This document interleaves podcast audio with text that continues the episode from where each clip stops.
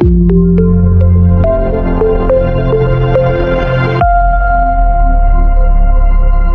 Latvijā reģistrēti vēl 78 inficēšanās ar covid-19 gadījumi un saņemti ziņojumi par divām nāvēm, liecina slimību profilakses un kontrolas centra apkopotie dati.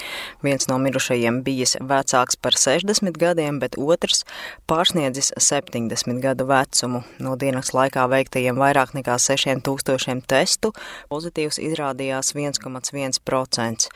Aizvadītajā diennaktī pieaudzis hospitalizācijas hospitalizēto covid-19 pacientu skaits, proti Latvijas slimnīcās kopumā ārstējas 46 pacienti, kas ir par septiņiem vairāk nekā pirms dienas. Uz Nacionālā veselības dienesta datiem atsaucas ziņu aģentūra Leta.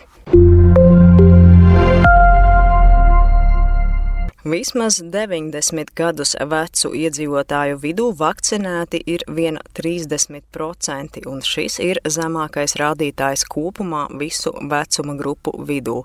Vēsta Leta. Labākie vakcinācijas rādītāji ir 70 līdz 79 gadus veco iedzīvotāju vidū, poti saņēmuši 58% un 60 līdz 69 gadus veco iedzīvotāju vidū pret covid-19 potējies katrs katrs otrais. Tāpat arī vismaz vienu poti līdz šim ir saņēmuši 15% pusauģu vecumā no 12 līdz 15 gadiem, savukārt vecumā no 16 līdz 17 pirmo poti saņēmis katrs trešais.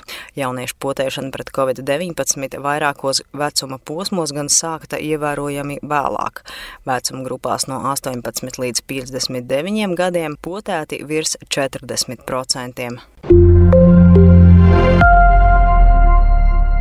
Mēs šo nesam pratuši atrisināt, tas ir jāatzīst. Tā ceturtdien Delfi TV ar Jāni Domburu diskusijā kultūras ministrs Nauris Puntulis no Nacionālās apvienības vērtēja šobrīd spēkā esošo Covid-19 drošības pasākumu regulējumu, kas ierobežo 12 gadu vecumu nesasniegušo piekļuvi koncertiem un citiem kultūras pasākumiem.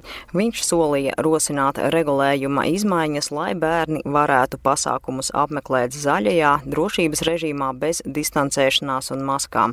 Jau vēstīts, šobrīd Latvijā spēkā esošais regulējums nodala divu tipu publiskos kultūras pasākumus.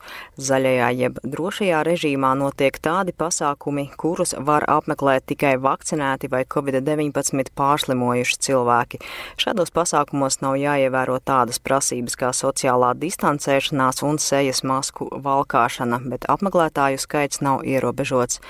Savukārt daļēji drošajā jeb dzeltenajā režīmā pasākumus var apmeklēt ne tikai vakcinētie un pārslimojušie, bet arī tādi cilvēki, kuri nesen veikuši Covid-19 testu, saņemot negatīvu rezultātu. Šādos pasākumos skatītājiem jāsēž distancētās sēdvietās, ja pasākums notiek telpās, jālieto sejas maskas un ir ierobežots skatītāju skaits. Bērniem, kuri nav sasnieguši 12 gadu vecumu un līdz ar to nevar tikt vakcinēti, šobrīd atļauts apmeklēt tikai dzeltenā režīma pasākumus, pat ja viņus pavadošie vecāki ir vakcinēti. Tas raisījis gana daudz neizpratnes un kritikas sociālajos tīklos. Līdz ar obligātas Covid-19 vakcinēšanās ieviešanu noteiktām iedzīvotāju grupām Krievijas lielākajās pilsētās un virknē reģionu dzeļ arī viltotu vakcinācijas certifikātu, Covid-19 testu un QR kodu melnais tirgus. Turklāt krāpnieciskā schēma tiek organizēta arī no Baltijas valstīm, secināts MBX mīdija pētījumā. Krievijā ikdienas tiek ierosinātas krimināllietas par krāpnieciskām darbībām, kuru rezultātā nevakcinēti cilvēki ieguvuši certifikātus, QR kodus vai izziņu par medicīniskiem iemesliem, kas liedz vakcinēties. Pandēmijas laikā tas kļuvis par visizplatītāko krāpniecības veidu. Savukārt schēmu organizatori nopelna miljoniem rubļu, skaidro portāls.